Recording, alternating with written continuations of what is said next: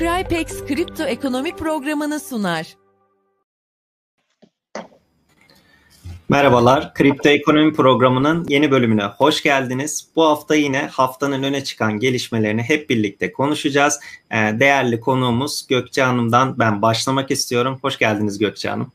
Merhabalar, hoş bulduk. İyi akşamlar. Bora Hocam merhabalar, hoş geldiniz. Hoş bulduk Alp'ciğim, ee, hoş bulduk Gökçe Hanım. Şimdi e, en baştan bir konseptimizi tekrardan hatırlatacak olursak biz aslında haftanın önemli olaylarını e, sizlerden gelen yorumların eşliğinde birlikte tartışıyoruz. Onun dışında konuğumuzun uzman olduğu konularda da onların e, deneyimlerini sizlere aslında aktarmaya çalışıyoruz. E, yazdığınız bütün yorumlar boşluğa gitmiyor. Bütün konuklarımız e, biz comments kısmından onları görebiliyoruz. E, geri gelince de tekrardan yukarıya dönüp elimizden geldiğince mümkün olduğunca onları da cevaplamaya çalışıyoruz. Dediğim gibi yayınımızı e, bu şekilde interaktif bir şekilde yapıyoruz. O yüzden sorularınızı sormaktan çekinmeyin. E, yavaş yavaş isterseniz konularımıza geçelim. Bora Hocam sizden başlayalım.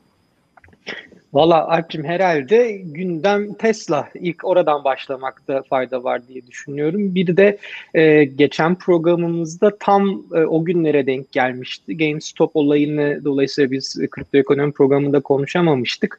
Buradan Elon Musk'la başlayıp Tesla ile başlayıp e, sonra belki Dogecoin'e kadar gidip biraz Reddit ve GameStop e, onları da değerlendirerek e, ilerleyebiliriz. E, hazır e, bu arada e, konuğumuz da zaten e, kurumsal da olduğu için e, burada hani kurumlar ve blockchain'in ve kripto paraların ilişkisi üzerine de bu akşam epey sohbet edebiliriz e, ümit ediyorum. Gökçe Hanım tekrar hoş geldiniz. Hoş bulduk, çok sağ olun. E, Alp'cim senden mi başlayalım? Nasıl yapalım? Yani nasıl yorumlamak lazım? Sizin e, yorumunuz e, nedir? E, burada Tesla'nın e, Bitcoin ile ilgili istersen belki ilk kez duyanlar için bir özetle başlayabiliriz. Tam olarak ne oldu ve ne olmadı? Biraz bunu konuşalım dilerseniz. Ben o zaman şöyle biraz başlayayım ondan sonra e, pası size vereyim. Yani aslında herkesin de gündemi takip ettiği gibi e, biz aslında Tesla'nın işte 1,5 milyar dolarlık kendi nakit rezerv varlığından aslında bu şekilde bir Bitcoin'e yatırım yapması gündemimize oturdu. Şimdi tabii ki burada en önemli konu yani trilyonlarca doların basıldığı bir piyasada 1,5 milyar dolarlık bir e, yatırımdan daha çok şey burada Tesla araçlarının ve Tesla'nın sunduğu belki diğer hizmet ve ürünlerin kripto paralarla Bitcoin bazında olmak üzere Bitcoin'le aslında satılması asıl haber değeri taşıdığını düşünüyorum ben.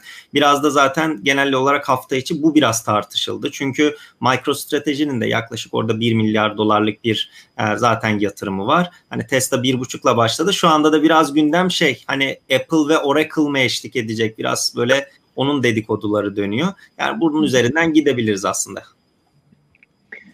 Ee, Gökçe Hanım ne düşünür ee, bu konuda ben merak ediyorum. Bir de abicim bir şeyi söyledin orada belki biraz daha ekleme yapmak açısından. Şimdi Tesla'nın SEC'ye oranın SPK'sı diyelim verdiği bir rapor var ve o metinde e, şunu söylüyor. Biz e, Bitcoin yatırımı tutacağız. Bununla beraber mesela Bitcoin'deki yükselişi karhanemize koymayacağız e, ve uzun vadede de aslında kripto paralarla ödemeyi e, bir şekilde kabul edilmek gündem gündemimizde diyor. Ama şu ayrımı yapalım bence bu önemli. Daha henüz Tesla'nın ürünlerinin Bitcoin üzerinden fiyatlaması demek değil bu. Yani e, nasıl diyelim fiyat etiketi Bitcoin üzerinden olmayacak. Bu planlanmıyor. Hı hı. Ama fiyat fiyat etiketi diyelim dolar üzerinden o dolar cinsinden bir bitcoin'le ödeme yapılmasının e, planı alınması gündemde. E, siz ne dersiniz Gökçe Hanım? Nasıl gelişmeler bunlar? Ya Elon Musk aslında çok değişik şeyler yapıyor son zamanlarda. Bizim için yani kripto para dünyasında bir influencer haline geldi. Değişik bir rol üstleniyor. Ee, bu yaptığı hareket de aslında biraz şey e, fa, yani piyasa için biraz spekülatif oldu ve fiyatları çok fazla etkiledi. İlk e, biosuna Bitcoin yazmasıyla başlamıştı aslında bu Bitcoin tarafındaki süreci. 6500 dolar artmıştık bir günde. E, e, şimdi de Tesla'nın alması haberiyle bayağı bir fiyatlarda dalgalanma oldu. Aslında şey e, başta hoşumuza gidiyordu da şu anda biraz ben spekülatif buluyorum ve aslında biraz daha güven ortamında zedeliyor gibi ve geliyor kripto para dünyası için. E, çünkü şey e, aslında son dönemde kurumsalların alımlarıyla ve e, daha olumlu söylemlerin oluşmasıyla özellikle banka tarafında çalışan işte JP Morgan'dan gelen, işte Citibank'tan gelen vesaire olumlu haberlerin geldiği bir ortamdaydık. Aslında güzel güzel hani yükseliyorduk. Şimdi bu haberle bilmiyorum. Biraz daha ortalık karıştı. Biraz güveni sarstı gibime geldi benim açıkçası. Valla bu anlamda ben de bu açıdan temkinliyim. Ee, Alpçim hani ben de sana sorayım. Şimdi bu kadar hani biz bu kripto paraların blockchain'in merkeziyetsizliğinin e, güzelliğini severken, bunun yarattığı potansiyeli önemserken, e şimdi bir tweetle bu fiyatlar bu kadar çıkabiliyorsa, bu bir yandan bir tweetle bu fiyatlar çakılabilir de demek. Yani Hı. o hani yoktu bu işin patronu, hani yoktu bu işin bir şekilde tek bir yetkili merci, mecrası. Yok sahiden ama şu anda kişiler ve hatta influencerlar diyelim genel olarak. Ee, Alp'cim yani bilmiyorum senin de bir tane tweetinle bu kripto paraların fiyatlarının dalgalandığı günler hani çok uzak olmaya da bilir. Tabii bu ne demek, ne anlama geliyor? Sen nasıl yorumlarsın Alp'cim? Hocam kesinlikle katılıyorum. Şimdi bundan daha önce biz 2017 döneminde aslında John McAfee'nin bu şekilde marketi elinde istediği gibi oynatmasını konuşuyorduk. Ee, işte yani daha doğrusu her attığı tweet anında hatta API'ler üzerinden botlar yazılarak anında işte onu satın alınıyordu falan. İlk başta insanların tabii hoşuna gitti. Adamın tweetini yakalayayım da ben de o işin içine gireyim. Orada bir pump olursa fiyat yükselirse yakalanır. Kesinlikle şunu da uyarmak lazım. Bu tarz böyle fiyatı ani yükselten, düşen işte herhangi bir Telegram grupları olsun, Twitter'da çok yüksek takipçili kişiler olsun bu tarz işlere kesinlikle girmemenizi tavsiye ederim. Çok ciddi miktar, ya yani çok ciddi burada para kaybedebilirsiniz. Mesela Elon Musk'ın yaptığı aslında Dogecoin'le başladı en ufak bir Doge'la ilgili tweet attığında tamam fiyat çok ciddi çıkıyor ama emin olun ki orada en tepeden giren de bir sürü insan oluyor. Çok ciddi mağdurlar da oldu. Zaten ilk başta insanların hoşuna gitse de daha sonra e, bu benzer tepkiyi çok fazla kişi verdi. Bir de ben şöyle düşünüyorum. Biz şimdi Elon Musk'ın ne diyeceğine mi bakacağız? Bütün gün biosuna mı bakacağız? Biosuna bugün Bitcoin yazdı. Yarın abuk sabuk bir coin yazsa biz şimdi gidip onu mu borsada kovalayacağız? Bu yanlış bir şey ama bir yandan da adam yani şöyle bir de Bitcoin'i öğretmeye falan çalışıyordu insanlar. Böyle Elon Musk tweet atınca işte Bitcoin'i öğrenmesin, blockchain'i öğrenmesin. Yani dünyanın en zengin kişisinden bahsediyoruz. Hadi en zengin olmasın ilk 3'te 5'te olsun. Zaten bu tip kişilerin çevresinde bu işi bilen kişileri çevresine alır. Hani hala hazırda zaten kendisinin bir şey bilmesi de gerekmez. Bilen insanları çevresinde toplar.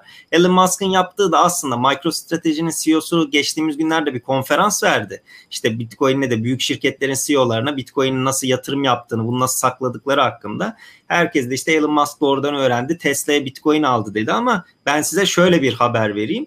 Ee, bir ay öncesine kadar dün teyit ettiğim için söylüyorum baktım kendimde. Reddit'te bir tane Tesla çalışanı Tesla'nın Bitcoin alacağını hatta şu an almaya başladığını bunu sızdırmış hiç kimse onu beğenmemiş falan. Üst sıralara çıkmamış Reddit'te. Ben normalde gözüme mutlaka çarpardı. Adam şimdi şey diyor ben size demiştim falan diyor. Bu yaptığı tabii ki yasal değil. O da işte gizli bir şekilde bunu sızdırın diyor. Ama zaten Tesla demek ki hani önceden zaten bunun araştırmasını yapıp Elon Musk o hatta şey açıklaması yaptı. İşte Dogecoin'i ben böyle insanlara şaka amaçlı söyledim. Aslında işte Bitcoin'de oradaki hedefe varma şeyi. Bizim de Tesla ile alım işlemi aslında Bitcoin içinde. Onun PR'ı içinde diye ben şeyi çok yanlış bulmuyorum. Yani reklam amaçlı mesela bir izleyicimiz de yazmış. Boş ver desin reklamın iyisi kötüsü olmaz diye. Evet bir bakıma öyle. Bunu destekleyen bir verimiz var çünkü. Şöyle bir verimiz var. Ee, Reddit'teki Bitcoin subreddit'ine en çok abone olunan tarih Elon Musk'ın biosuna Bitcoin yazdı tarih ve şey karşılaştırılamayacak ölçüde fark var. Yani tüm grafiğe baktığımızda Doğru çoğu kişi Bitcoin'i o şekilde öğrendi ama bir yandan da şeyi düşünsenize yani kripto paraları hiç bilmeyen biri işte Elon Musk gibi dünyanın en böyle tanınan insanlarından biri orada gidiyor Dogecoin diye elinde köpek resimleriyle bir şey koyuyor. Ya olay biraz orada sulandı. Devamlı bizim telefonlarımız çaldı. Dogecoin Elon Musk bile şey yapıyorsa hani siz niye anlatmıyorsunuz etmiyorsunuz diye. Ya benim görüşlerim kısaca böyle. Evet. Alp'cim ben orada bir şeyi netleştirmek istiyorum. Ee, sonrasında da Gökçe Hanım'a bir e, soru sormak isterim ilişkili olarak. Bu arada seyircilerimizin içerisinde e, AVAX e, sevenler de var gördüğüm kadarıyla. Bu akşam onu da e, yorumlarız. E, orada da önemli gelişmeler oldu. Gündemimizde var. Birazdan ele alacağız. Şimdi e, mesela Cemil Şinasi Türün Hoca'nın bir yorumu oldu. Ben onu e, gülümseyerek okudum. E, şunu söylüyor. Ya diyor aslında ne kadar akıllıca bir yandan diyor. Milleti Dogecoin'e e, bir şekilde gösterdi. Sonrasında insanlar Bitcoin'leri sattı. Böylece ne e, Bitcoin fiyatı hafif düşmüşken e, sonrasında e, Dogecoin'den esas hedefi olan Bitcoin'e geçti diye. Yani hepimiz şaka olduğunu düşündük bu arada. Ben de dahil olmak üzere. Hani Dogecoin'le ilgili tweet atıyorsa acaba hesabı mı hacklendi falan diyenler olmuştu. Sonra senin bahsettiğin Reddit'te hatta o kişi galiba 33 bin dolardan bunların alındığına ilgili de bir, bir bilgi paylaşmış. O zaman hani Cemil Hoca'nın söylediği belki şey değil. Hani önceden zaten galiba bu biraz e, planlanmış gibi. Ee, Gökçe Hanım hani Dogecoin'le de ilgili yorumlarınız nelerdir? Bu bir şekilde e, buradan belki biraz şeye geçebiliriz. Aslında bu Dogecoin meselesi işte Wall Street Bets'le e, başlayan bir hikayeydi. E, bu GameStop hisseleriyle beraber. Bizler için biraz orada tam olarak ne oldu GameStop e, olayında? E, sizin için ne anlam ifade ediyor? Bu Wall Street Bets'in de tamam bir kişi değil bir zümre olarak bu kadar etkili olmasını daha mı ılımlı karşılamak lazım yoksa manipülatif hareket manipülatif hareket midir? Neler düşünürsünüz? Ee, şöyle önce Do Do Dogecoin'den başlayalım. Ya yani Dogecoin'i biz bizim aslında skopumuzda olmayan bir coin. Borsamızda da listelemiyoruz. Çünkü biz hani borsamızda listelerken titizlikle seçiyoruz. Bakıyoruz hani nasıl bir teknoloji vaat ediyor bunlar diye. Dogecoin'in e, konusunda da köpek tamamı şaka amaçlı bir coin olduğu için hani oldukça da spekülatif bir işte Elon Musk'ın bir lafıyla e, bütün fiyatı değişebiliyor. Hani çok garip bir durum yani o. Ee, hani bunu GameStop'a bağlayacak olursak GameStop'taki e, durum aslında bence bir e, finansal bir değişime bize işaret ediyor. Çünkü bugüne kadar Wall Street'teki firmalar e, bir şekilde e, oldukça yüklü paralar kazanırken ilk kez biz görüyoruz ki e, küçük yatırımcı birleşerek e, bu büyük firmaların shortladığı yani e, düşeceğine bet ettiği hisse senetlerini alıp e, bu büyük firmaları e, terse bırakıp milyarlarca dolar zarar ettirebildi. E, hani küçük balığın büyük balığı aslında yediği ya da saldırmış olduğu bir durum e, söz konusu. E, yani aslında finansal olarak bir devrim yaşanıyor denilebilir. E, ee, Alp'cim sen ne düşünüyorsun? Wall Street Bets'in bir şekilde çünkü gümüşe falan geldi bir ara iş biliyorsun. Hı hı. Hani önce GameStop'la başladı sonra hadi bu defa gümüşe geçiyoruz. İşte arada Dogecoin e, kaynadı. İşte sonrasında aslında nasıl devam ediyor belki biraz oradan da yani bahsetmek mümkün olur. Numan Yaylı Bey'in bu arada bir yorumu var. Belki onu da yansıtabiliriz ekrana. Şimdi hocam şöyle herkes zaten bu konuyu bu hafta tartışmıştı ama aslında orada temel olarak küçük yatırımcıların bu hedge fonlarına karşı aslında birleşerek gücünün ne kadar yüksek olabildiğini gösteren aslında hiç de belki bu kadar tahmin edilemeyecek kadar güçlü olduklarını gösteren aslında tarihi bir olaydı. Şimdi burada aslında evet Numan Bey'in de dediği gibi yani bu yatırımcılar Robinhood uygulaması üzerinden Amerika'daki Robinhood uygulaması üzerinden komisyonsuz bir şekilde basit bir mobil uygulamayla çok rahat hisse senetlerinin alım satım yapabildikleri için buradaki teşvik paketlerinden ceplerinde kalan işte 1200 dolar işte 6000 pardon 2000 dolara yakın bir para da orada ekstra bütçeleri olduğu için aslında o paralarla bile ufak ufak girerek e, hedge fonlarına karşı bir pozisyon almışlardı. 6000 2000 dolara yakın bir para da sesim bana yankı yaptı ama düzeldi herhalde. Şimdi buradaki olay şöyle başladı. Yani Wall Street Bets'teki şu anda olay tamamen aslında durmuş gibi bir şey. Fakat ilk başta işte GameStop'la başladıktan sonra diğer şeylere baktılar. İşte dediler ki BlackBerry neden mesela bu kadar değersiz? Nokia neden değersiz? Tamam hani akıllı telefon kısmında yenildiler ama bu kadar da olmaması lazım dediler. İşte sonra gümüş dedikoduları çok çıktı. Hani biz dedik gümüş o kadar da belki Gökçe Hanım yorumlamak ister. Yani ben gümüşte o kadar başarılı olacaklarını zaten hani beklemiyorduk. Öyle de oldu. Hani birazcık bir hareket oldu. Hani orada biraz şey oldu. Gazı kesildi. Çünkü gümüş gibi bir emtiyada o kadar da şey olamayacaktı zaten. Belki Gökçe Hanım gümüş tarafını yorumlamak ister. Evet yani e, market hacmi açısından baktığınızda zaten büyük bir hareketin görünmesi bu AMC Theaters'ta, Nokia'daki, BlackBerry'deki ya da GameStop'taki gibi zaten mümkün değildi. E, zaten beklenen de gerçekleşmemiş oldu. Aslında çok değişik bu e, girdikleri his, hisseler işte batmakta olan firmaları seçmeleri, şu anda satışlarının çok düş, düşmüş olan firmaları seçmeleri çok enteresan. Aslında bu, bu yönden de SEC'nin de bir bununla ilgili bir e, düzenlemeye gideceği e, herhalde söz konusu olacak yakın bir zamanda. Zaten bununla ilgili de bir toplantı çağrısı da yapmışlardı en, en kısa zamanda işte tekrardan bir gözden geçireceğiz diye. Aslında bu olay bize şunu gösterdi. Eski finansal sistemde e, çalışmakta olan o modeller artık çalışmıyor ve aslında bazı değişikliklere de ihtiyacımız var ve hani bu sistem çok da doğru bir sistem değildi. Çünkü büyük firmalar kazanıyordu. Bu okeydi onların shortlaması da hani küçük yatırımcı shortlayınca mı sıkıntı oldu? Hani elit kesim kazandı bu yıllarca. Hani yani neden hani bu böyle bir durum söz konusu? Bu piyasa serbest değil mi diye aslında geliyor. Hani serbest dediniz ama istemediğiniz hareket olunca da aslında o kadar da serbest bir halde bırakmak istemiyorsunuz da geliyor. Hı hı. Sesiniz kısık hocam. Peki o zaman benim bir de e, biraz daha çetrefilli bir sorum olabilir. Burada hani ikinize de sormak istiyorum aslında. E, izleyici yorumlarında da çünkü gördüm. E, şimdi iş galiba biraz ne kadar e, o kurumun ya da kişinin e, etkili olup olmadığına göre mi değişiyor. Yapılanın meşru olup olmadığı.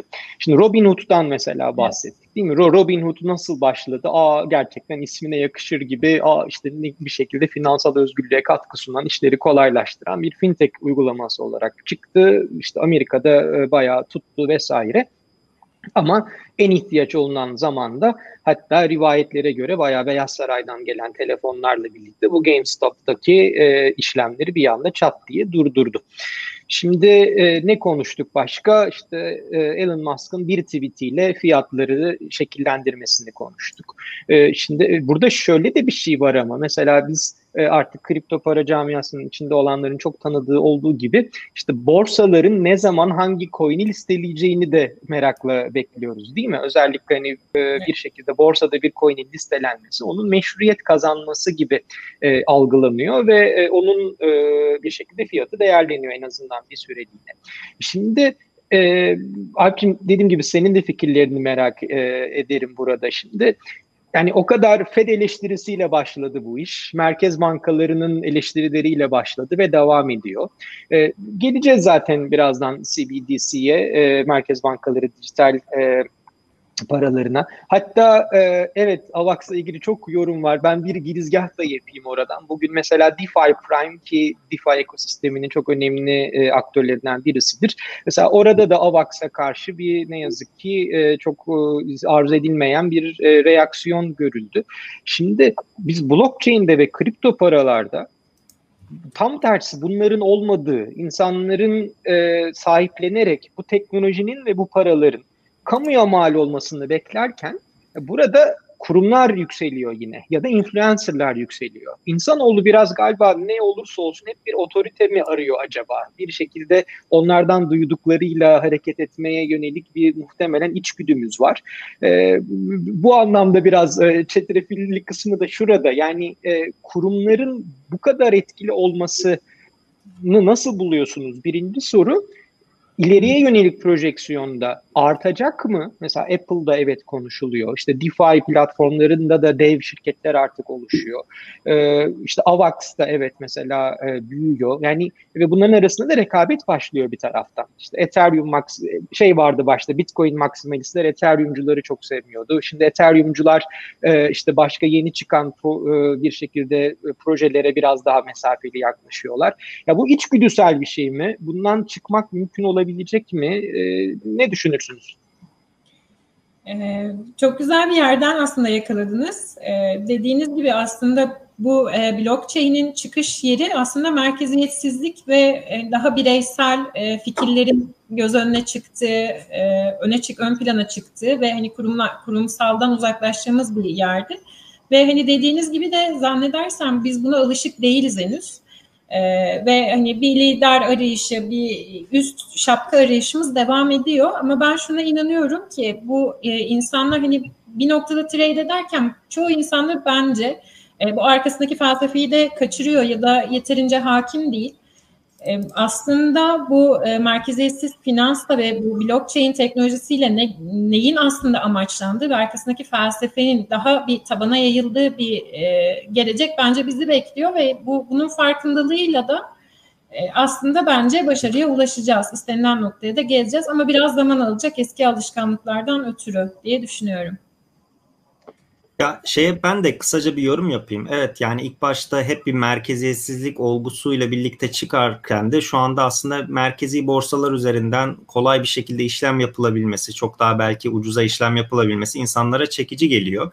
Ama bir yandan işin diğer tarafında işte Uniswap olsun. Yani şu an mesela Coinbase'in Nasdaq üzerinden doğrudan listelemesi varken 30 milyar dolar hacim yapmış orada bir Uniswap var. Onun mesela Unicoin token'ı o yüzden aslında biraz agresif bir şekilde fiyatlandı belki de diyebiliriz.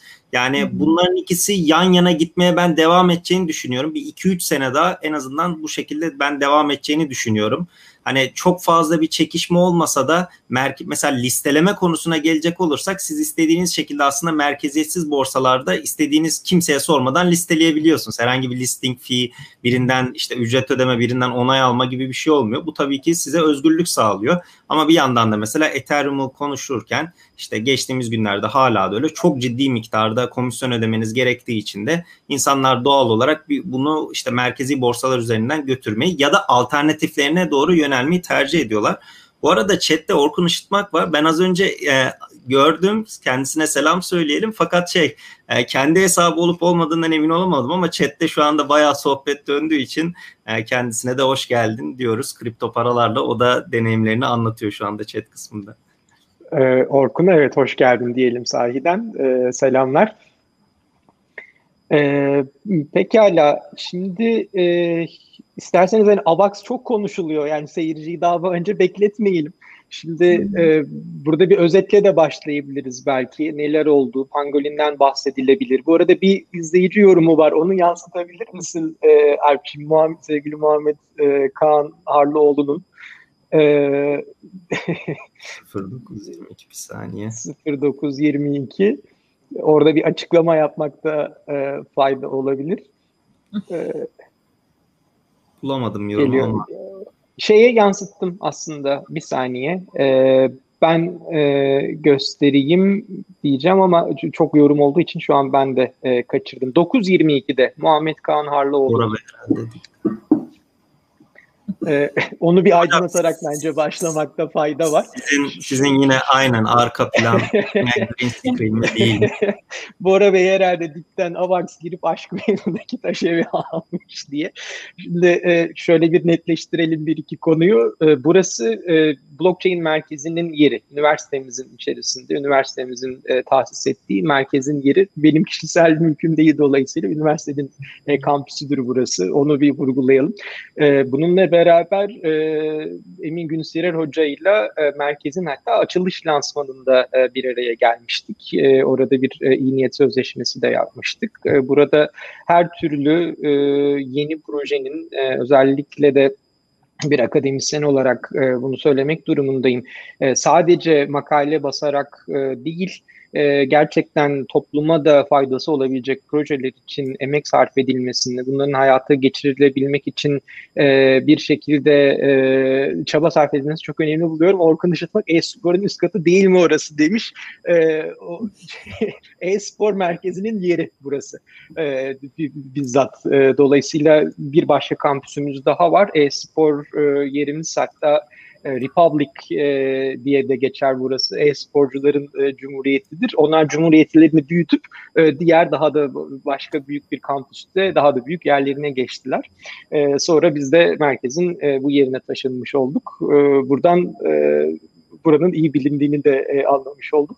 E, Alp'cim istersen senle bir e, özetle başlayalım. Avax'ta ne oldu? Pangolin'den biraz bahsedebilirsin. E, sonrasında da Gökçe Hanım e, Avax e, iCrypex'te listeleniyor mu? Ne zamandan beri listelenmiş vaziyette ve e, burada e, galiba staking üzerine bir takım projeler de olacak diye biliyorum. Biraz ondan Hı-hı. bahsedebiliriz. Alp'cim Ava ile ilgili belki DeFi Prime'a da bugün yaşananlara e, değinirsen çok makbule geçebiliriz izleyicilerimiz açısından. Şimdi şöyle tabii ki e, aslında biraz bizim de işte Avalanche'la birlikte bizim Blockchain Center'ın işte merkezimizde yaptığımız bir lansmanı vardı. Bir işbirliği lansmanı. Biraz süreç bizim de Avalanche tarafıyla o şekilde başladı Emin Hoca'yla da.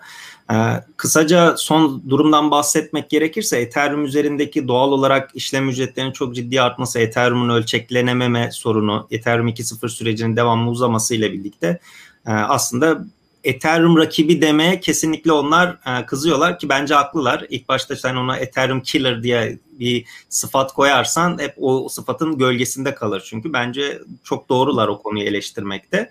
E, Avalanche üzerinde tabii doğal olarak çok daha geniş bir şekilde ölçeklenebildiği için çok daha düşük ücretlerle hızlı bir şekilde işlem yapmayı vaat ediyor. Şu anda yaptıkları da aslında yavaş yavaş platformları kendi üzerine DeFi uygulamaları olsun. Bu ERC20 tokenları yani siz Ethereum üzerinde çalışıyorsunuz fakat gelin işte Avalanche'ın üzerinde yapın. Kendi blockchain'inizi bile yaratabilirsiniz şeklinde aslında bu şekilde yürütüyorlar. Pangolin'de ben dün gece birazcık vakit buldum ama çok da fazla işte cüzdan kurulumunu falan çok geç vakitte gördüğüm için yapamadım. Fakat aslında merkeziyetsiz borsayı Avalanche üzerinde taşıyıp ya yani Uniswap'ın Ethereum üzerinde çalışan merkeziyetsiz Uniswap'ın aslında Avalanche üzerinde çalışan versiyonu. İlk günler elbette tabii bazı hatalar, sorunlar olabilir ama uzun vadede onun ne kadar e, ölçeklenebilir değil ölçeklenebilirliğinin ne kadar başarılı olduğunu biz göreceğiz. Biraz tabii Avalanche'ın fiyatından da bahsetmek gerekir. Orada Gökçe Hanım'a bırakayım e, sözü.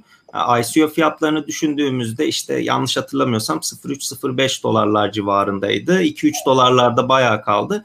Ya bu sabah 57'yi falan görmüştü. Şu anda kaç olduğunu bilmiyorum. Ekranlarım açık değil ama e, böyle de bir süreç var aslında. En güncel durum bu deyip Gökçe Hanım'a bırakayım sözü.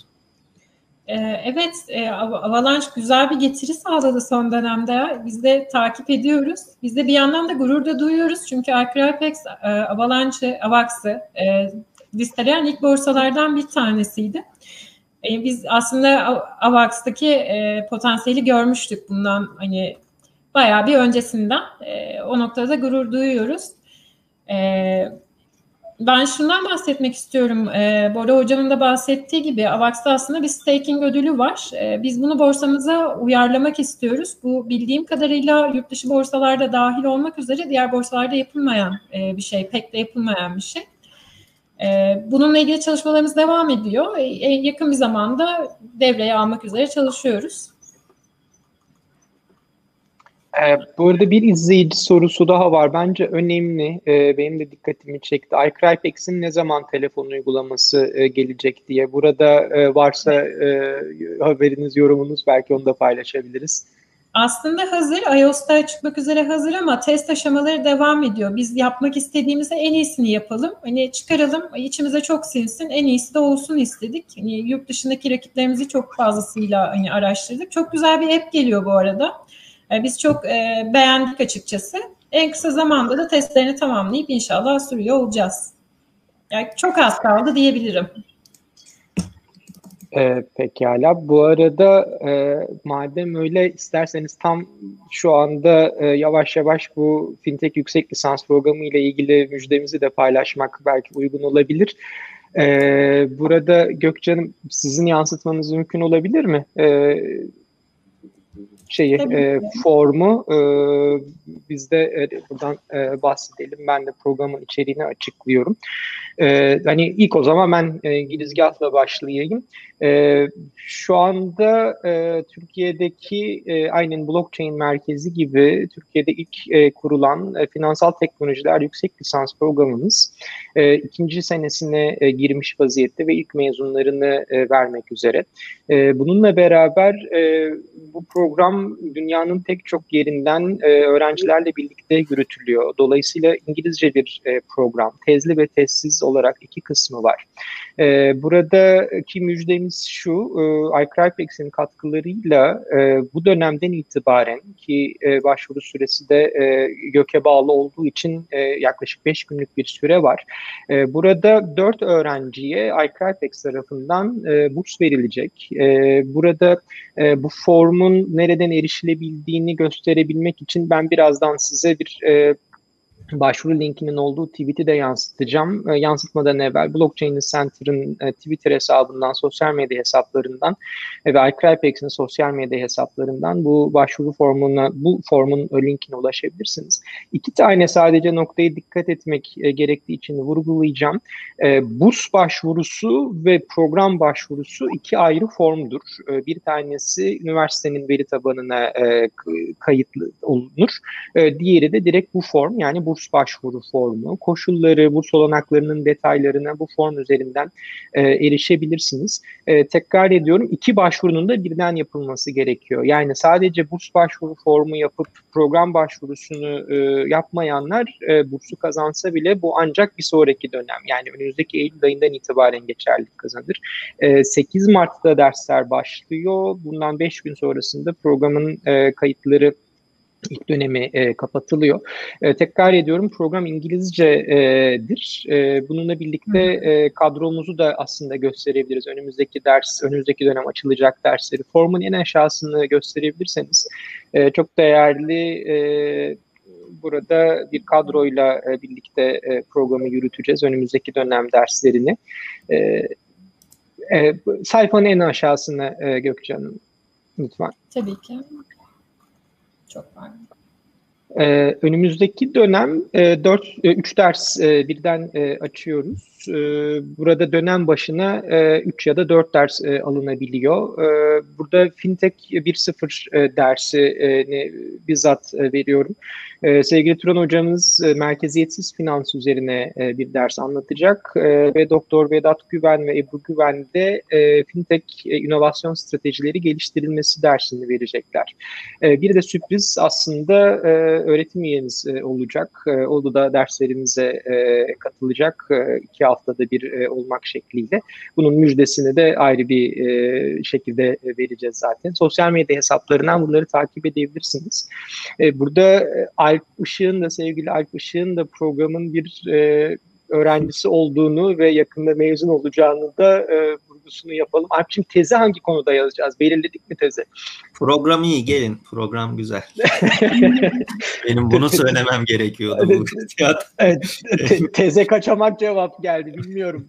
Bu arada tezli ve tezsiz iki şekilde kayıt yapabilir e, e, izleyicilerimiz. E, Alp'ciğim tez konusunu ne yapacağız? DeFi gibi Biraz onu konuşalım. Evet. DeFi, DeFi gibi gözüküyor değil mi? Hala. Pekala. Bir ara merkeziyetsiz sosyal medya falan konuşmuştuk. Bence o da çok enteresan bir konuydu ama tabii o zaman daha DeFi yoktu yani. Gerçekten evet, yoktu. Evet. bu bu e, yani çıkışla Bitcoin beraber. anlatıyoruz diye benim YouTube kanalı bir kapanma tehlikesine girince hemen merkeziyetsizliğini yapacağım diye bir yükseldim ama sonra DeFi daha mantıklı geldi. ee, Gökçe Hanım bu arada şimdi e, sizin açınızdan da e, siz de yüksek lisansını bitirmiş birisi olarak e, biraz hani bir yüksek lisans programından ne beklenebilir? Yüksek lisans programı insanların hayatında ne katar? E, belki siz de biraz yorumlayabilir misiniz? Bu programı yapmanın genel olarak yüksek lisansı insana ne faydası olur? Ben de fintech programının birazdan detaylarına girip fintech programının spesifik ne katkıları olur onlardan bahsetmek istiyorum. E, tabii ki ben e, yüksek mühendisim aslında. E, yükseğimi de kendi e, mezun olduğum alanda yapmıştım. E, ben şöyle düşünüyorum, yüksek lisansta e, öğrendiğiniz bilgiler aslında lisansta öğrendiklerinizden bambaşka bir ufuk sizlere açıyor. Çünkü bir proje ya da bir tez üzerinde çalışıyorsunuz ve aslında konunun da uzmanı haline geliyorsunuz. Yani çok da uzmanı değil de en azından daha derinlemesine bir e, bilgi size vermiş oluyor. Ya bu program özelinde de hani konuşacak olursak eğer e, bu bu program aslında e, bir ilki de getiriyor beraberinde biz diyebiliriz. Neden derseniz hani biz bizim şirketimizin bu programı seçmesinin arkasında bir neden vardı. E, e, herhangi bir finans ya da finans mühendisliğine de e, burs e, sponsor olabilecekken böyle yeni bir şeye e, arkasından gidilmek istendi. Çünkü e, biz şirket olarak şunu düşündük. E, finans ve teknolojiyi bir araya getiren, aslında blockchain teknolojisi üzerine de eğilen, e, sizler gibi değerli e, Bahçeşehir Üniversitesi'ndeki eğitmenlerin de olduğu ve bir yandan da e, sektörden e, tecrübeli isimlerin katıldığı ve bizim de hani kendi e, bu alan, alanında önde gelen firmalardan biri olarak kendi tecrübelerimizi aktarabildiğimiz bir plan e, yapmak istedik. Aslında çok çok güzel bir ders içeriğine de sahip bir program olduğunu biz hani, düşünüyoruz. Sizlerin de desteğiyle hazırlandı. E, bu şekilde aslında güzel bir alan. Bu alanda çalışmak iste, istiyorlarsa eğer e, izleyenlerimiz yani ikisini bir arada bulabilecekleri ve Türkiye'de bir ilk olan bir program halinde aslında. Hocam sesiniz kapalı. Birkaç tane linkin çalışmadığını söyledi arkadaşlar ama şu anda canlıya kontrol edemedim tam ama herhangi bir şey olursa yani bu konuyla ilgiliyseniz videonun açıklama kısmındaki linkleri e, takip edebilirsiniz. Oradan tekrar paylaşırız. Belki şimdi e, ee, da paylaşır ama. Sevgili Furkan e, ekibimizden aslında 9.33'te e, başvuru linkini e, paylaşmış. E, bu arada e, Blockchain Center'ın Twitter hesabını e, Alpçim gösterebilmem mümkün mü bundan evvel? E, belki hani başvuru linkinin oradan e, ulaşılabileceğini böylece göstermiş e, oluruz. E, ben de program hakkında, dersler hakkında biraz e, e, konuşayım.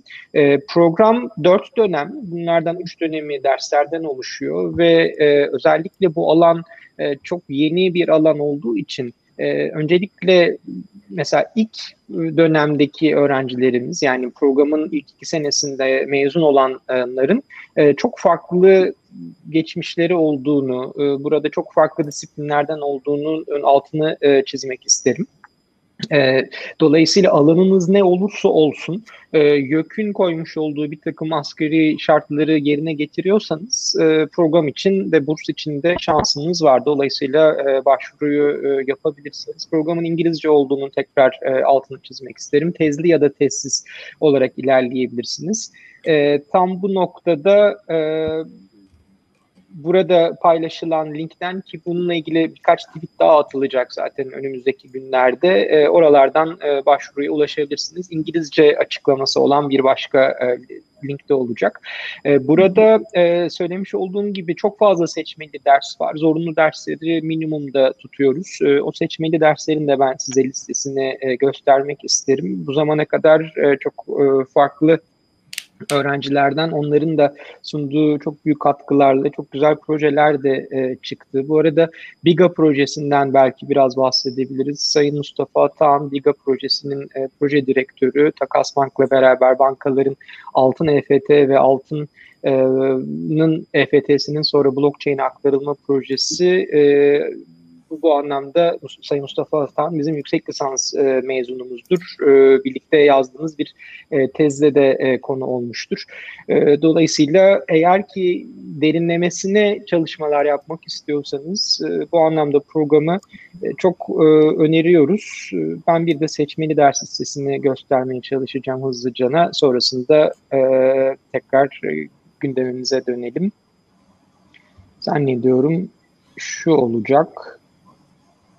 Evet, e, bu da seçmeli derslerimiz. Seçmeli derslere baktığımızda e, burada teknik analizden e, bir şekilde hisse senedi piyasalarının regülasyonuna, e, buradan e, uluslararası finansa ve portfolyo yönetimine, türev ürünlere, temel analize, e, fintech ile ilgili e, az önce de bahsettiğimiz gibi e, inovasyon stratejilerine, e, kredi modellemesine, e, bunun üstelik e, burada yazılım dersidir aynı zamanda, FİNİ 241'den bahsediyorum. E, dolayısıyla ister yazılımla ilgileniyorsanız böyle bir kendinize bu programdan faydalanabileceğiniz seçmeli derslerle, işin e, finans kısmıyla daha çok ilgileniyorsanız aynı şekilde finans derslerini, önümüzdeki dönem ilk kez açılacak sevgili Turan hocamızın bahsettiğim gibi vereceği merkeziyetsiz finansa kadar ve hatta daha çok makro konularla ilgili ilgiliyseniz uygulamalı makrofinansa kadar değişik bir geniş yelpazede e, bu derslerden e, faydalanmak e, mümkün. Program tekrar ediyorum herkese açık. E, bir tek YÖK'ün yüksek lisans yapabilmek için istediği bir takım minimum koşullar var. Bunların e, sağlanması gerekmekte. E, Alp'cim istersen geçiş olarak da iyi olur. E, bir yandan merkez bankaları dijital paraları çok e, yine e, gündemde. E, Çin'le ilgili bir haber var. E, Nijerya ve Hindistan'da da Çin'dekinin ters istikametli haberler var. E, istersen biraz onlara geçelim. Hı hı, tabii hocam ben şimdi şey bültenimizi paylaşayım. Bir saniye.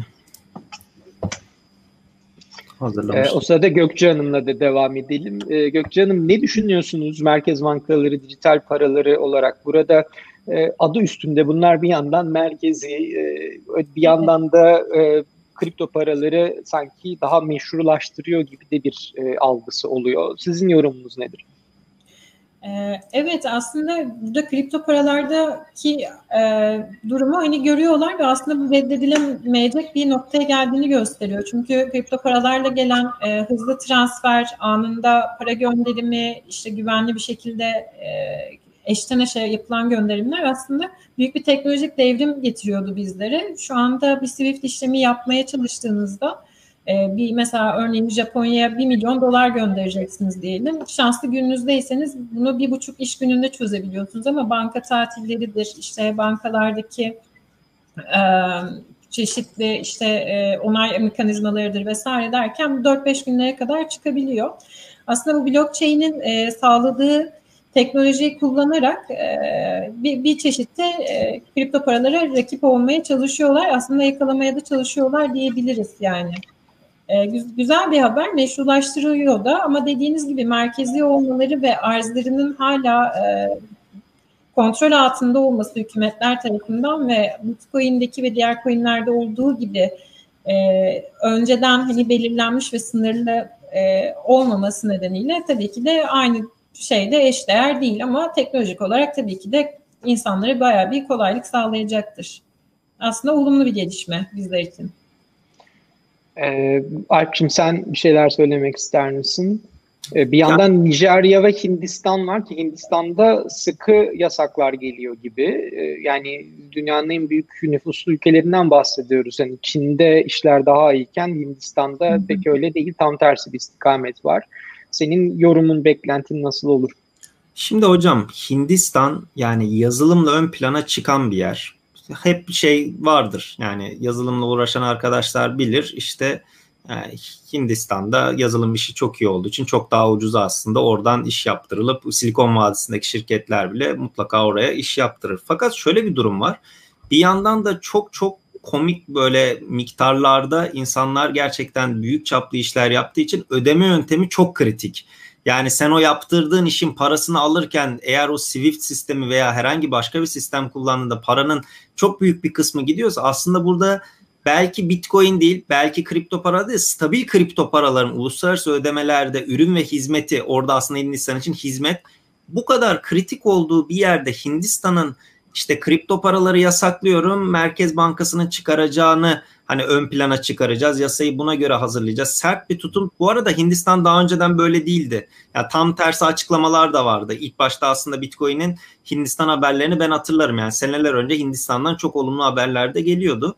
Yani bu şekilde bir yöne gitmesi bana çok da mantıklı gelmiyor. Şimdi orada dijital paranın tamam belki Hindistan'ın içinde kullanımı çok daha nüfustan dolayı da zaten adaptasyon çok çılgın olabilir. Çok yüksek rakamlara çıkabilir. Fakat ama bir yandan da uluslararası ödemelerde bu kadar hani ünlü olmuş orada ya ben de bilgisayar mühendisiyim. Konuyu öğrenemeyince YouTube'u açardık. Bir tane orada Hintli güzel güzel anlatırdı. İngilizcemiz işte zar zor onu yeterdi böyle alt yazıyla falan şey yapardık. Yani böyle böyle herkes yazılımı o şekilde öğrendi. O kadar böyle dünyaya yazılım ihracatı yapıyor. Yani neden global bir ödeme yöntemini bu kadar engelliyorlar bana çok da mantıklı gelmiyor. Nijerya konusunda ama pek bir fikrim yok. Orada daha da katı gözüküyor olay.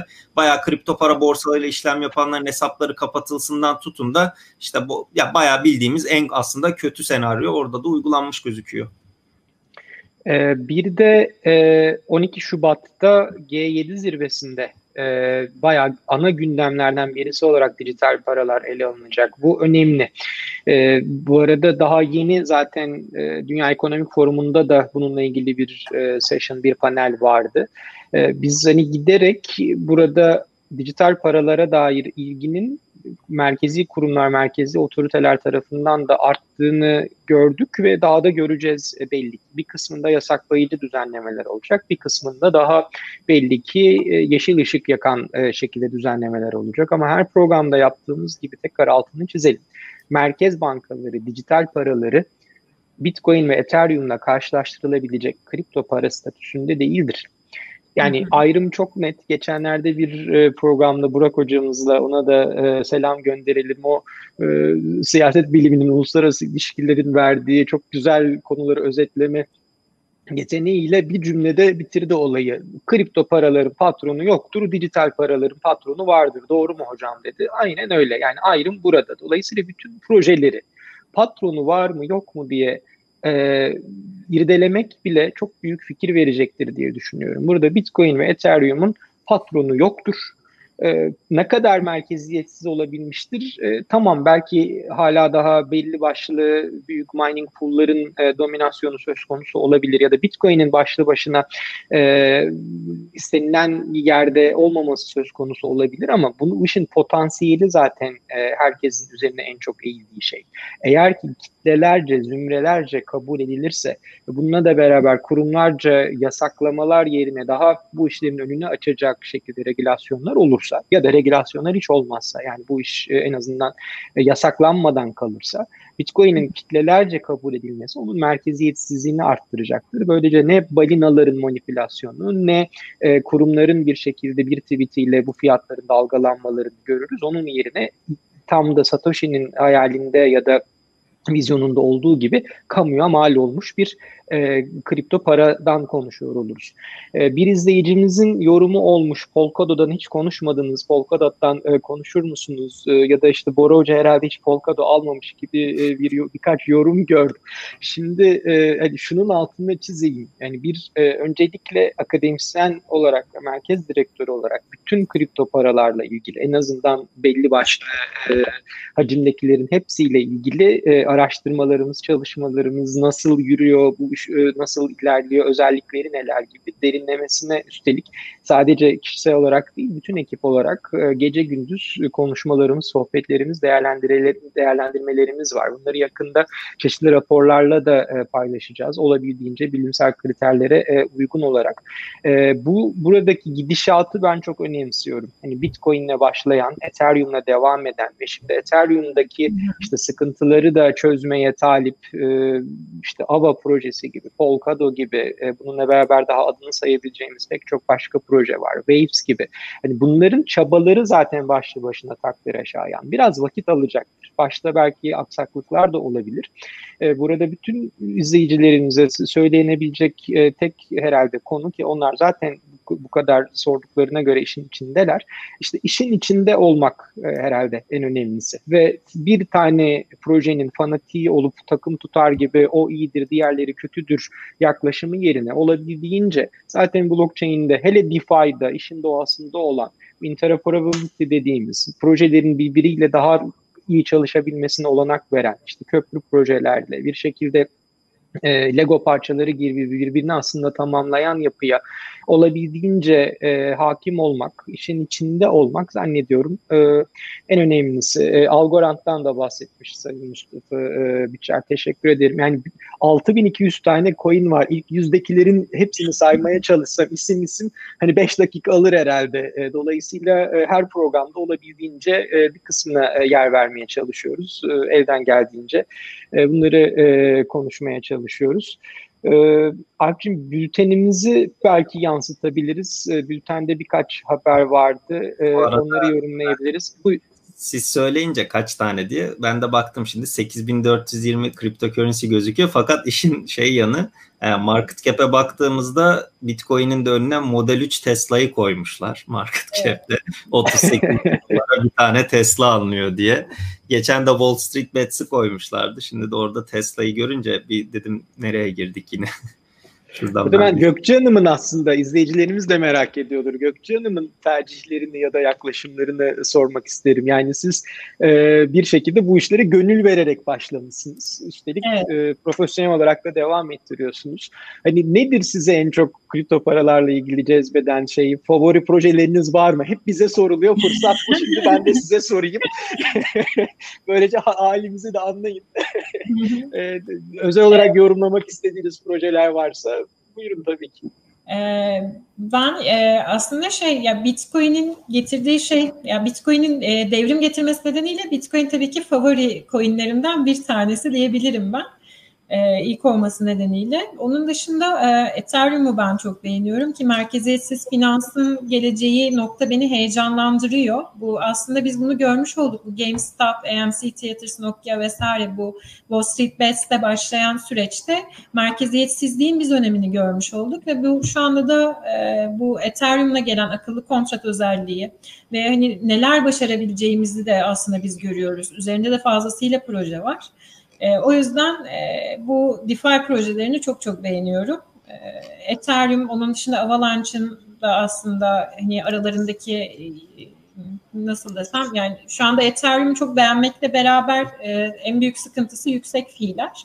Bir işlem yapmak istediğinizde 100 dolarlar e, civarında ödüyorsunuz e, şu anda ve inanılmaz da artmış durumda. Bu yüzden de premium bir hale geldi Ethereum. Eğer sizin e, 1000 dolarlık bir işlem yapacaksınız. 100 dolar sizin için e, büyük bir parayken milyon dolarlık işlem yapacaksam 100 dolar benim için hiçbir şey aslında. E, çünkü e, işlemin büyük, parasal büyüklüğünden öte bir sadece sabit bir ücret kesiliyor. E, o yüzden şu anda çok premium kalıyor Ethereum. E, o yüzden böyle Avalanche gibi daha düşük fiillerle, daha hızlı şekilde çözüm yapan e, teknolojileri de biz çok beğeniyoruz diyebilirim ben. Hani Ethereum'u beğenmekle beraber aslında Ethereum 2.0 yetişebilecek mi rakiplerine göreceğiz. Rakipler çok sağlam geliyor diye düşünüyorum. Evet, bu arada Alp'cim bülteni yansıtıyorum bülteni zannediyorum. tamam. Ee, ben bir izleyicimizin yorumu var. Sorumluluğu üzerime alıyorum. Sevgili kahraman Ağıral çok fazla aslında kelimesini kullandığımı ve kullandığımızı hatta Alp'i ve belki Gökçen'imi da etkileyerek vurgulamış. E, kusurumuza bakmasın bu anlamda. Teşekkür ediyorum ben bu yorum için. Çünkü bir, bir, bir yerden daha çok da yakın bir dostumdan e, bu yorumu aldım. Çok teşekkür ediyorum. Bunlar çok kıymetli yorumlar. Kendim de düşündüm. Ben başka alanlarda konuşurken bu kadar aslında kelimesi söylemiyorum. Burada blockchain'de ve kripto paralarda herhalde yanlış anlaşılan o kadar çok fazla şey var ki ister istemez hepimizde bir refleks olarak işin aslını vurgulama, işin aslına dikkat çekme refleksi var. Biliyorsunuz gerçekten çok yanlış anlaşılıyor. Bir ana akım medyada da hala daha Bitcoin'le işte bu sadece bir oyun, insanlar oyun oynar gibi öyle bilgisayarından para mı üretirmiş, ne saçmalık bu diyenler var. İster istemez biraz araz kalmış olabilir. bu, bu kişilere işin aslını anlatmaya çalışmaktan biraz dilimize pelesenk olmuş herhalde. Ben dikkat edeceğim kahraman diye. Çok teşekkür ediyorum yorumunuz için. Alp'cim e, burada e, haftalık bültende e, ekibimizle beraber hazırlanan çok kıymetli gerçekten içerikler var. Ben çok e, teşekkür ediyorum buradan ekibimize de. Coin Bülteni'ne de. Coin Bülteni de sağ olsun her hafta içerik anlamında çok güzel yayınlar yapıyor. E, bülten için ayrı kendi sitelerinde ve kendi e, zaten hazırladıkları içerik e, bambaşka ayrı güzel. Burada belki zaten konuştuğumuz e, haberler vardı. Bundan sonrasına geçebiliriz. E, İran haricindeki direkt coin bülteni haberlerine geçebiliriz. De, diğerlerini zaten epey konuştuk. Tesla'yı, Hindistan'ı hemen buradaki haberlerin epey bir kısmına yer vermiş vaziyetteyiz. Burada her bültende istatistikler, fintech, DeFi ve kripto ekonomi alanında e, elden geldiğince geniş bir yelpazede içerik e, oluşturmaya çalışıyoruz e, ekibimizle birlikte. E, aşağı inebilirsen Alp'cim. E, Elon Musk'ı da paylaştık. Sonrasındaki habere bir bakalım. E, Miami Belediyesi var. Bir de Türkiye-Kuveyt arasındaki e, ilişkiler var. Bu, bu enteresan. E, Miami'den biraz bahsetmek ister misin Alpçim? Onu kendi aramızda da çok konuşmuştuk. Burada bir mini Çin mi çıkıyor acaba Amerika'dan? Ya hocam bu haber ilk başta işte Miami Belediyesi'nin işte o demeleri, vergileri falan alabilmesiyle alakalı bir haberdi. Sonra işte maaşların ödenmeyi düşünmesiyle alakalı bir haber oldu. Ya konuşuldu. Bu da bayağı gündemde yer edindi. Yavaş yavaş yani bunların olması kaçınılmaz. Gayet artık böyle çok fazla da ben açıkçası şaşırmıyorum. Çünkü bu adaptasyon devam edecektir. Yani sadece böyle biz kurumsal şirketlerin halka açık e, işte şirketlerin Nasdaq'ta falan listelenenlerin aldığı bitcoinlerden ziyade aslında işte bitcoin'in entegrasyonu, kripto paraların entegrasyonu, ödeme yöntemi olarak nerelerde kullanılacağı, mesela bir pilot bölgede maaşların oradaki e, ödenmesi gibi aslında oldukça da güzel bir örnek. Ben oldukça olumlu görüyorum. Evet, e, aynı zamanda bildiğim kadarıyla Miami valisi Miami'yi e, kripto paralar için bir hub, yani üs haline getirmek istediğiyle ilgili bir vizyonu vardı. Onunla da ilgili bayağı heyecanlı. Miami'den sonra da Jacksonville de aynı şekilde izledi. E, ödemeleri Bitcoin'le almak üzere çalışma başlattı onlarda. Bu haftaya dair bence bir de önemli e, bir haber St. Louis Fed'in bir açıklaması var. Hatta bir araştırma yayınlamış vaziyette. Bir merkez bankasının merkeziyetsiz finansla ilgili bir burada ciddi potansiyel vardır. Bunun incelenmesi gerekir. DeFi'nin sunduğu fırsatlar vardır kısmı bence önemli, değerli. İsterseniz onu da değerlendirip yavaş yavaş e, final yapalım. E, Gökçen'im ne dersiniz? Merkez bankalarının DeFi'ye ile ilgili böyle bir rapor yayınlamasına ve merkeziyetsiz finansın potansiyeline genel olarak. Ee, başta aslında e, reddediyorlardı. Böyle bir gelişmeyi çok olumlu olarak ben görüyorum. Ee, bu makalenin içeriğine baktığımızda aslında e, riskler taşıdığından daha çok dem vurmuşlar. Ama bir yandan da hani böyle de bir şey oluyor. İşte yorum yapmazsak herhalde olmaz diye düşünüp böyle bir şey yayınlamışlar diye düşünüyorum e, hani blok zincir teknolojisini aslında sağlam ve şeffaf bir yapıda olması nedeniyle de aslında övmüşler. Bence çok güzel bir haber. Artık e, görmezden gel- gelemediklerini de gösteriyor aslında. E, Alp'cim Ethereum 2.0'la da ilgili sevgili Mustafa Biçer'in bir yorumu var. Ethereum 2, onu belki yansıtabiliriz 9.58'de. Sondan ikinci yorum olması lazım.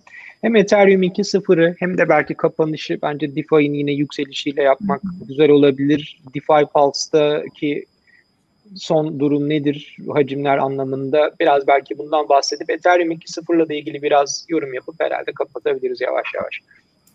Ha, ilk önce şu DeFi Pulse'ı vereyim ekrana. Ha, Mustafa Bey'in diyorum. Ethereum 2.0 gelse bile fiiller arz talebe yine artacağın ki bir rahatsız edici bir noktaya geliyor. Şimdi e, bunu belki şuna göre bu yorumu yaptınız diye düşünüyorum. E, Ethereum'un fiyatı tabii 1800 dolarlara kadar çıkınca burada ödenen gas fee'lerin de yavaş yavaş can acıtıcı boyutları arttı. Hani normalde bu kadar talep olmasa da artıyordu. Ama şu anda bir de ölçeklenme ile ilgili sıkıntı olup bir de merkeziyetsiz finans ürünlerine bu kadar talep patlayınca doğal olarak orada çok ciddi şekilde ya şöyle söyleyelim belki bilmeyen arkadaşlar vardır. Yani bir akıllı kontrol şimdi merkezi bir borsadan alım satım yapıyorsanız e, sizi tabii ki de ilgilendirmiyor Ethereum'un oradaki fiilleri. Sizi ilgilendiren tek kısmı aslında Ethereum'larınızı withdraw deyip çekmek istediğinizde orada borsaların bazıları komisyon almıyor. Bazıları 3 dolar, 5 dolar gibi aslında hani oldukça anlaşılabilir ücretler alıyor. Şimdi fakat siz kendi cüzdanınıza Ethereum'larınızı çekip bir akıllı kontratla etkileşime girerseniz bundan kastım bir DeFi ekosistemindeki bir işte atıyorum e, ürünü kullanmak istiyorsunuz, kredi almak istiyorsunuz, borç vermek istiyorsunuz, herhangi bir DeFi ürünü kullanmak istiyorsunuz. O zaman işte yaklaşık 100-120 dolarlardan başlayıp 200 dolarlara hatta peak yaptığı zamanlarda bu kontratların onaylama süreçleri, yatırma, çekmeye bile geldiğimizde gerçekten 200 dolarlar konuşuluyor. E doğal olarak ben her zaman şu şekilde anlatıyordum hani başkasından saatlerce dinleyeceğine bir çok komik bir miktarla gir dene. Hani 50 lirayla 10 lirayla 20 lirayla. Şimdi o öyle bir senaryo mümkün değil. Yani adam ben diyor bunu istesem de deneyemiyorum. E bu o zaman şey mi oldu? Ee, bir de şöyle yorumluyorlar. DeFi ekosistemindeki projelerin, tokenların fiyatında da ciddi şekilde artış görmemizin sebebini bazıları da şöyle yorumluyor. Çıkamıyorlar ki diyor. Yani yatırımını yapmış. Mesela atıyorum işte lending borrowing kısmında işte kredi platformlarında yatırım yapmış. Belli bir miktar farming'den gelir elde ediyor. Ya çıksa onda çok ciddi fiye komisyona para ödeyeceği için ben bari kalayım diyor burada. Yani Ethereum kendi kendine orada hapis mi yaptı o kişileri? Şimdi parası çok olan, çok ciddi miktarda yatırım yapan belki bu ücretleri görmüyor. Ya da bazen çok ciddi fırsatlar oluyor. Komisyonu kimsenin gözü görmüyor direkt artık hani ne giderse gitsin diyor. Çünkü orada belli bir fırsatı yakaladıysa. Ama doğal olarak bu şekilde ölçeklenme sorunu olduğu için Ethereum 2.0 sürecinde yani şu anda hatta şey yapabilirim önünden ekranımdan bakarak söyleyeyim. Launchpad.ethereum.org'a baktığınızda 3 milyon Ethereum kilitlenmiş durumda. Yani bu süreçte bir yandan Ethereum 2.0'a inananlar bu bu paraları geri alamayacaklar kontrat tamamen aktif olana kadar. Bunu merkezi borsalar üzerinden de yapıyorlar. Onun dışında minimum 32 Ethereum kitlemeniz durumunda siz de kontrat üzerinden yapabiliyorsunuz bir uyarı yapayım. Ne yaptığınızı bilmiyorsanız, tam emin değilseniz, rahat hissetmiyorsanız kendinizi bu tip işleri yapmamanız gerekiyor bir yandan da. Yani akıllı kontratlarla etkileşime girerken gerçekten oradaki finansal okuryazarlığın yüksek olması lazım.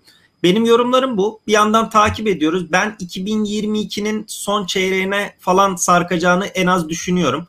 Yani öyle 2023 ortası demiyorum ama 2022 son çeyrekte biz artık herhalde hani ne oluyor ne bitiyor kesinleşir gibi düşünüyorum. E bir yandan da tabii ki bambaşka projeler var. Bu DeFi ekosistemini üzerine çekmeye çalışan, bu Ethereum'un sırtındaki ERC20 tokenlar olsun başta onlar üzerine çekmeye çalışan NFT mesela geçen çok güzel bir aslında örnek vardı.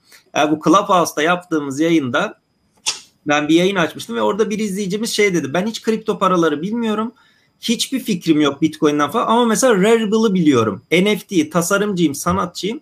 Rarible'da dedi kendi NFT'mi satışa sunmak istiyorum ama burada benden işte çok yüksek bir fiyat istiyor 90-100 dolar. Acaba ben dolandırılıyor muyum? Hani bu siteye bu parayı vereyim mi falan gibi bir yorum yaptı. Hani orada açıklamaya çalıştık. Ethereum üzerinde onun mint edilmesi, oraya sizin yükleyebilmeniz için aslında o madencilere giden falan. Ama tabii ki böyle karşılaşmak çok güzel. Aslında kripto paraları tanımak. Ama bir yandan da şimdi hani şeyi açıklayamıyoruz. Satılıp satılmayacağı belli olmayan sanat eseri için orada 100 dolar komisyonla listeleme şeyi yapmak oldukça da sıkıntıydı gelişmeleri takip ediyoruz diyelim. Öyle bir politik cevap vereyim. Ben bir iki yorum yapmak isterim. Ee, hızlı hızlıca. Gökçen bir şey mi diyecektiniz? Araya mı girdim? Pardon.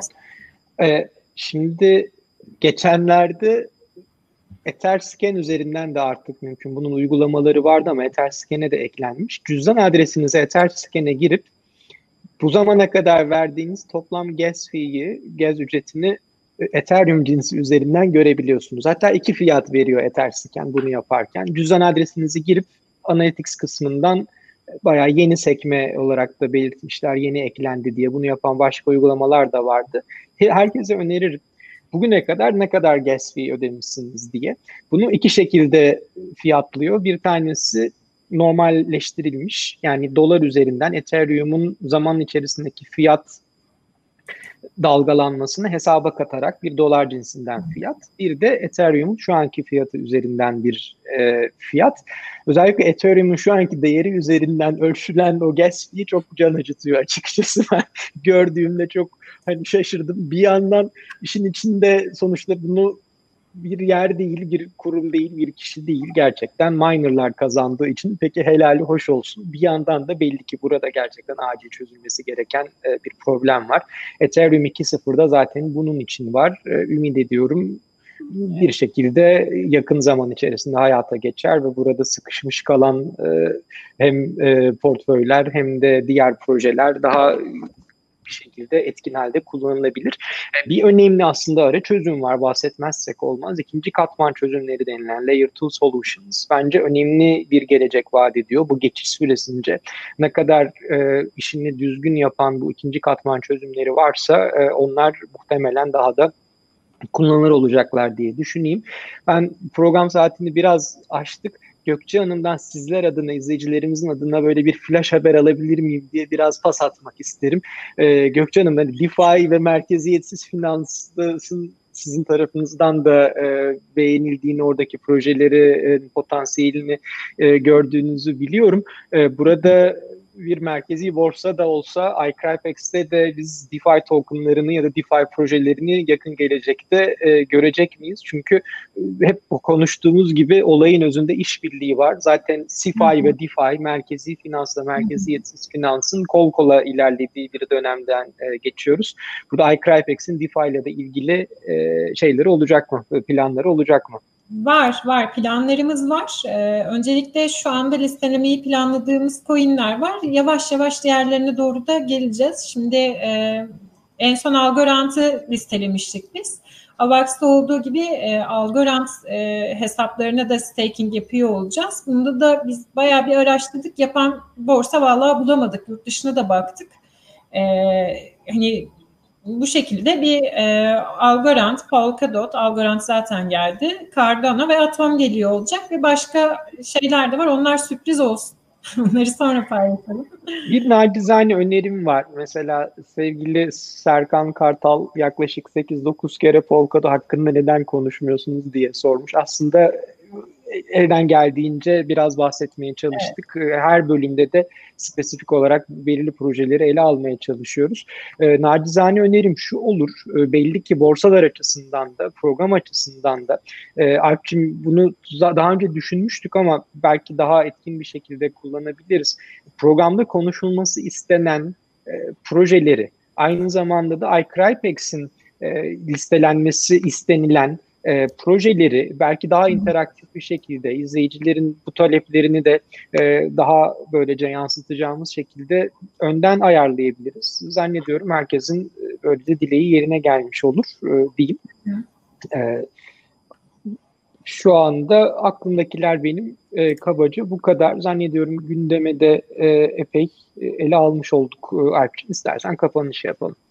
Ee, ben şu anda sosyal medya hesaplarımızın tek bir linkte verdim. Chat kısmından paylaştım. Videonun açıklama kısmında da o linki bulabilirsiniz. Ee, bizi Medium hesabımızdan da takip edebilirsiniz. Ekibimizdeki arkadaşlar da orada teknik yazılar hazırlıyor.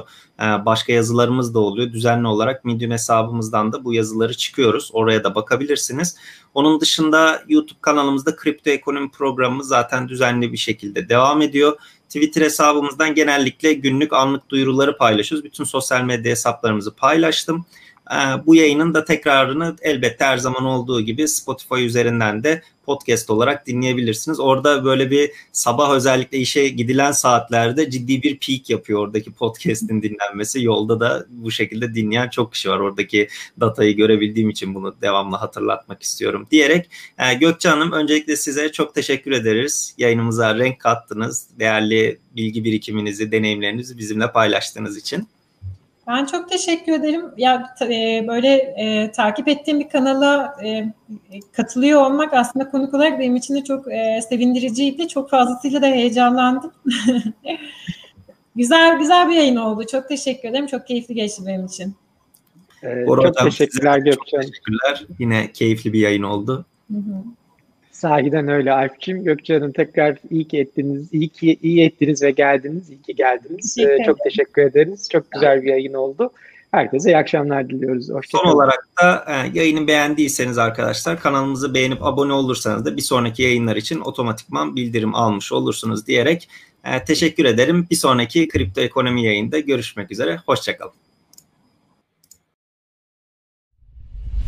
iCrypex kripto ekonomi programını sundu.